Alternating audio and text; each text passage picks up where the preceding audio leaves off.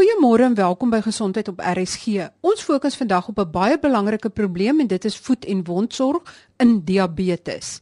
Want onvoldoende sorg lei tot 'n enorme klomp voorkombare amputasies van voete en bene. Die tragedie is dat byna alle amputasies voorkombaar is en dit is grootliks in die hande van die pasiënt self om dit te voorkom. Ek gesels met professor Gary Sibbald, professor in interne geneeskunde en openbare gesondheid aan die Universiteit van Toronto in Kanada oor voet- en wondsorg in diabetes. Hy is ook 'n direkteur van die internasionale interprofessionele wondsorgkursus en toenmalige president van die Wêreldunie van Wondsorgverenigings. Hy was 'n gasspreker op 'n groot wondsorgkongres in Kaapstad en het 'n paar skokfeite bekend gemaak. Professor Sibbald, wat is jou grootste kommer oor die versorging van voete en wonde in pasiënte met diabetes?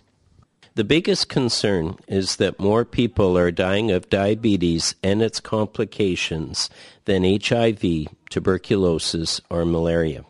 Each of those three conditions, 1.5 deaths in Africa a year, but now with diabetes and its cardiovascular complications, that includes feet and foot care, 5 million. Professor Sibbald, die byna 1000 kongresgangers uit mediese geleedere het by die kongres twee belangrike deklarasies aanvaar. Kan jy daarop uitbrei? The two declarations, uh, one is about saving limbs and saving lives. And it's really important with a one minute simplified 60 second foot exam, a person with diabetes can be categorized as either having a high risk foot and should really seek foot care or a low risk foot, and they should be rescreened every year.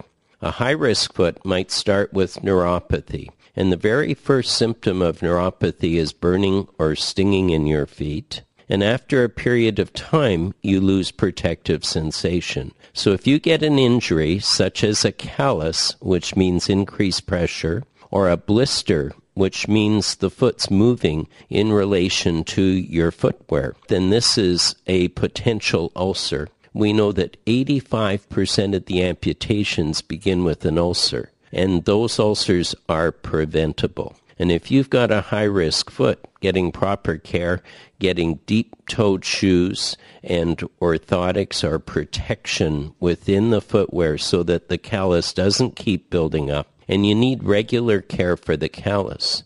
The other thing that can happen is you get decreased circulation. And as with many things in diabetes, the eyes, the kidney, the heart, the circulation can all be affected by diabetes. To find decreased circulation, your healthcare professional can feel for a pulse. And if that pulse is absent, that means that you've got a high risk foot and you need to have further investigations or further tests. Uh, certainly, any person with diabetes can be checked, and if they have had a previous ulcer, and that's a break in the skin in the foot, or even an amputation of a toe, this is considered a high risk foot, and this person should be monitored every two to three months by a certified foot specialist. Prevention is the key. Gebeur dit in Suid-Afrika en in Afrika? Is daar voldoende voorkomende sorg deur die pasiënt self en deur die dokter? No. In Africa, there are some of the lowest screening rates for the high risk diabetic foot in the whole world, and figures as low as 30% from Ethiopia in the last five years. And in South Africa, there are some areas where it's even worse than that. I think it's important that the Narayan principles that um, for economies that have a limited healthcare dollar, it is screening for the high risk foot, a test called the hemoglobin A1C that actually measures your average blood sugar over 90 days, and blood pressure. And those three simple tests are implementable within um, society, but also they can improve your outcome as a patient. And we have to work together with the health policymakers, the healthcare professionals, and the patients to uh, deliver care. And good care actually costs less money, not more money. And we're really looking for value for the healthcare dollar. And the Michael Porter adage for healthcare is that it should be interprofessional, coordinated, and integrated care. And I think the more we train wound healers and we train people to look after uh, the person with diabetes and their feet, prevention of ulcers is much better than the treatment of ulcers. And it is really has the ability to be done without much cost to the healthcare system. Cost a lot more to amputate a leg than to look after a hundred legs that you could prevent both an ulcer and an amputation. Het julle enige syfers oor hoeveel amputasies in Afrika totaal voorkombaar was? The figures are very hard to obtain, but they are in the uh, most recent publication of the Diabetic Atlas from the International Diabetes Foundation, and approximately 80 to 85 percent of the amputations can be prevented. Professor, wat kan 'n pasiënt doen en wat is die tekens waarop gelet moet word? We like to think of five S's. And in terms of prevention of a foot ulcer, the very first thing is systemic, and this is the hemoglobin A1C, as we mentioned, the 90 day control of sugar and blood pressure, at least under 140 over 90, and the hemoglobin A1C under 9%.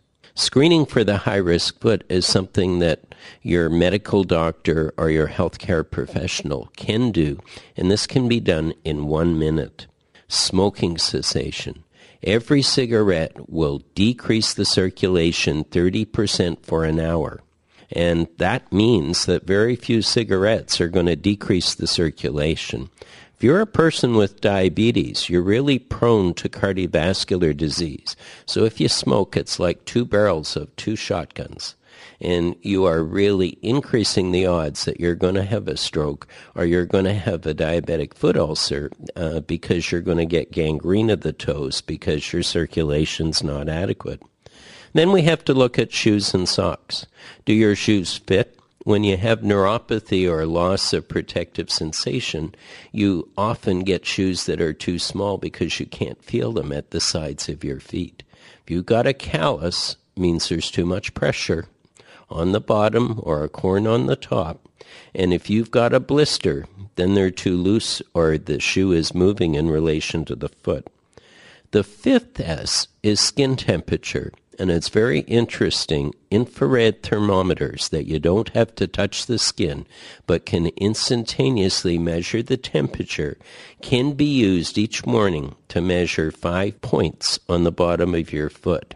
Any point that's four degrees Fahrenheit warmer than the others should mean you curtail activities and there are now three scientific studies of very high quality, and this is called a random controlled trial, showing that you can decrease the incidence of foot ulcers tenfold.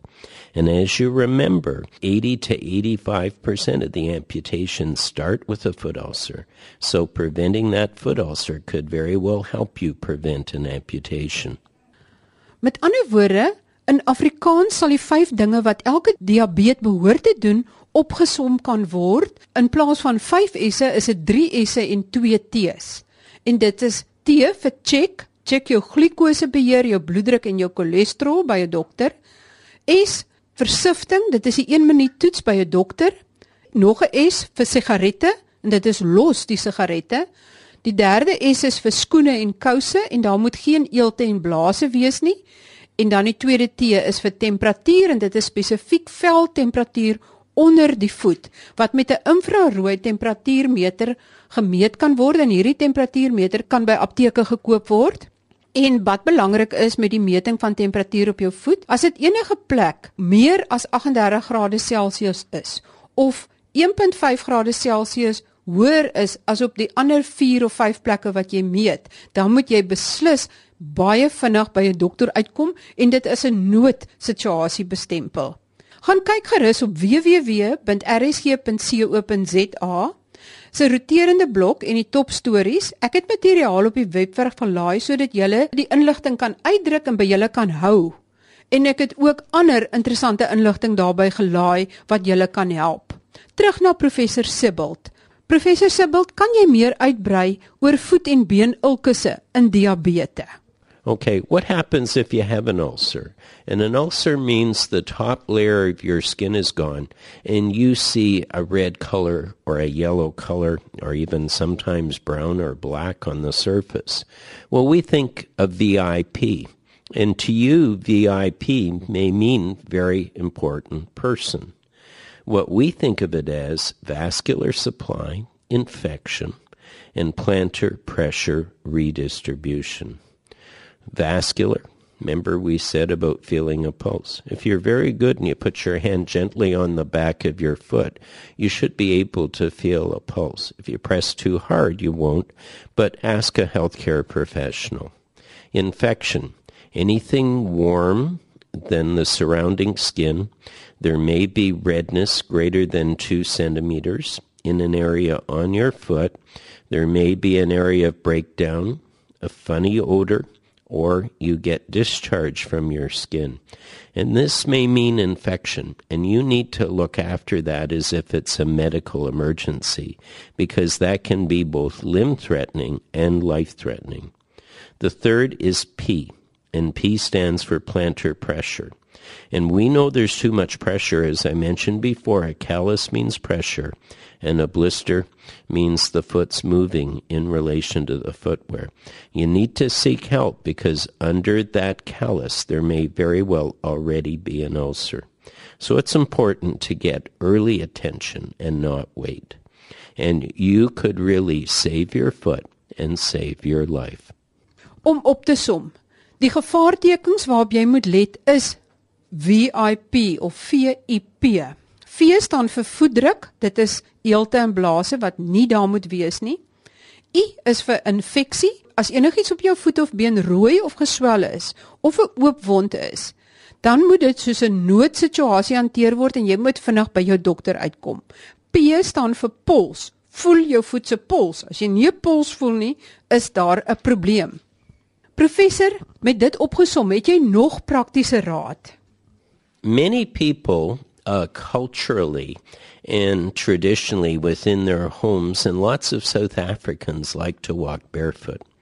If you've lost protective sensation and you're a person with diabetes, this is really not advised. When you're choosing your shoes, they should have a deep toe box so that the toes aren't rubbing up against the top. Your socks should fit properly but not too tight, and they can't have any seams and they shouldn't be uh, mended. It is important for you to examine the inside of your shoes. Your nails should be cut straight across and uh, along the distal part of the nail fold so that you shouldn't cut them too short or they'll be prone to ingrown. And you don't need to cut them on a curve. They should be straight across. You can examine your feet daily. Look in your shoes. There may be stones. There may be coins. Uh, there may be pins. Uh, any kind of thing that's in the uh, shoes or the footwear can really damage your foot. So this becomes very important. Daily foot exam proper shoes and socks all are part of living healthy with diabetes. Moet elke diabetes hierdie stappe volg en hierdie checklys nagaan al het hy of sy nog nie tekens van voetprobleme nie. This is good advice for any person with diabetes and certainly if you've had diabetes for 10 or 15 years practically all individuals have neuropathy. And often diabetes is not diagnosed early in the course of the disorder, so that by the time you're diagnosed, you may have had a sugar abnormality for years. And sometimes people are diagnosed at the time they have the neuropathy. So then we all always know that they've probably had the sugar abnormality for 10 or 15 years. If you're an adult and there's a family history of diabetes, or if you're overweight, or if you don't really exercise, you should really think about having your blood sugar checked. And even better, the hemoglobin A1C. But type 2 diabetes, which is over 90% of the persons with diabetes in South Africa, are type 2. And type 2 diabetes is a metabolic disorder, but it's a whole body disorder that the hemoglobin A1C and the blood pressure are just the tip of the iceberg. C is really cholesterol, and high cholesterol is going to clog your arteries. D is diet and staying within ideal body weight and really knowing there is a complicated measure called the body mass index. But if you're overweight from diet, E is exercise. If you do aerobic exercise like walking or um, stationary bicycle, which is really good for people with neuropathy for 30 minutes, five days a week for a year, and strengthening exercises three days a week, you can lower your hemoglobin A1C by 8%.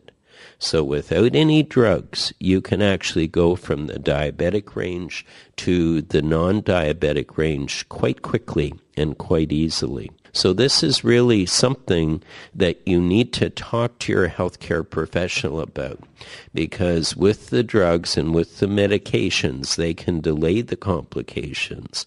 But you as a patient need to take control of your own health. And in the diabetes literature, this is called patient empowerment.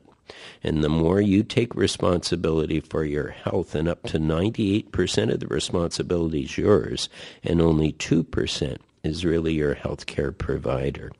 And it is important to have a healthy lifestyle and think about the smoking, think about your footwear, think about your diet, your exercise. It's a comprehensive thing, and sometimes that becomes overwhelming.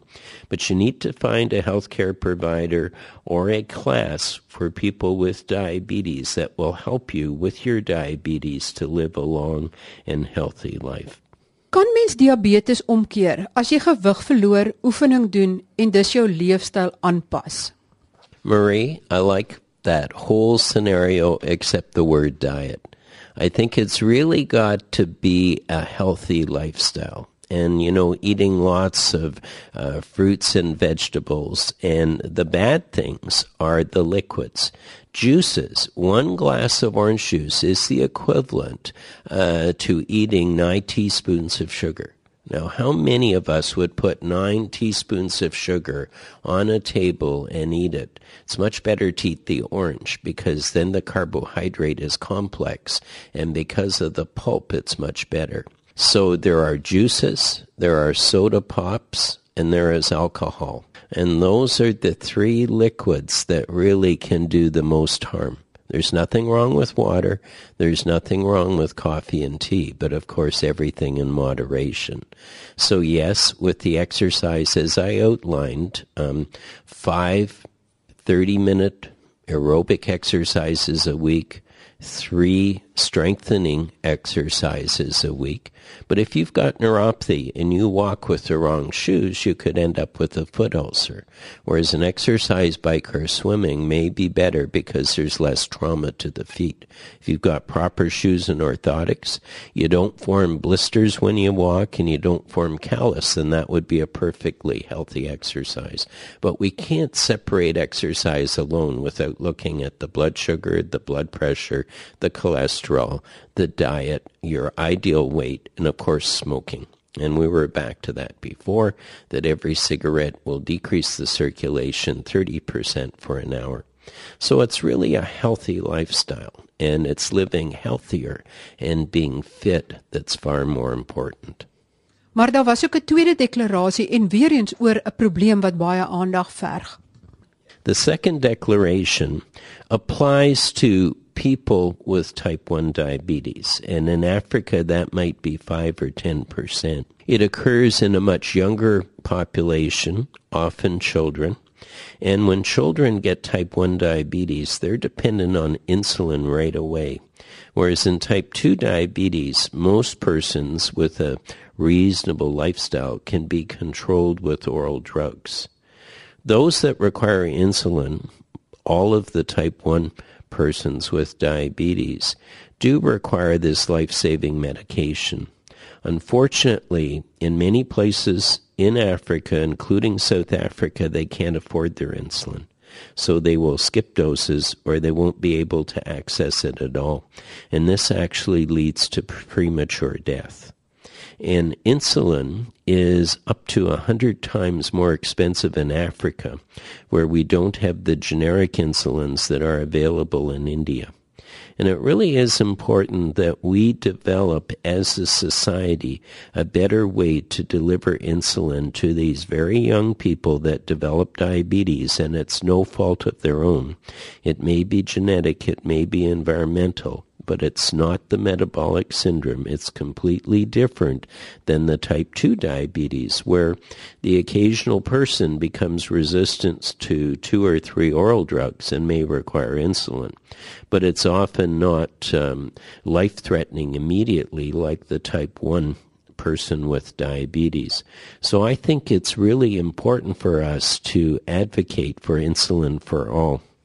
We were very fortunate at this meeting to be able to bring together key people from five uh, non government agencies, Santé Diabete from many of the French speaking countries, Mali, Burkina Faso, Senegal, and the Cameroons.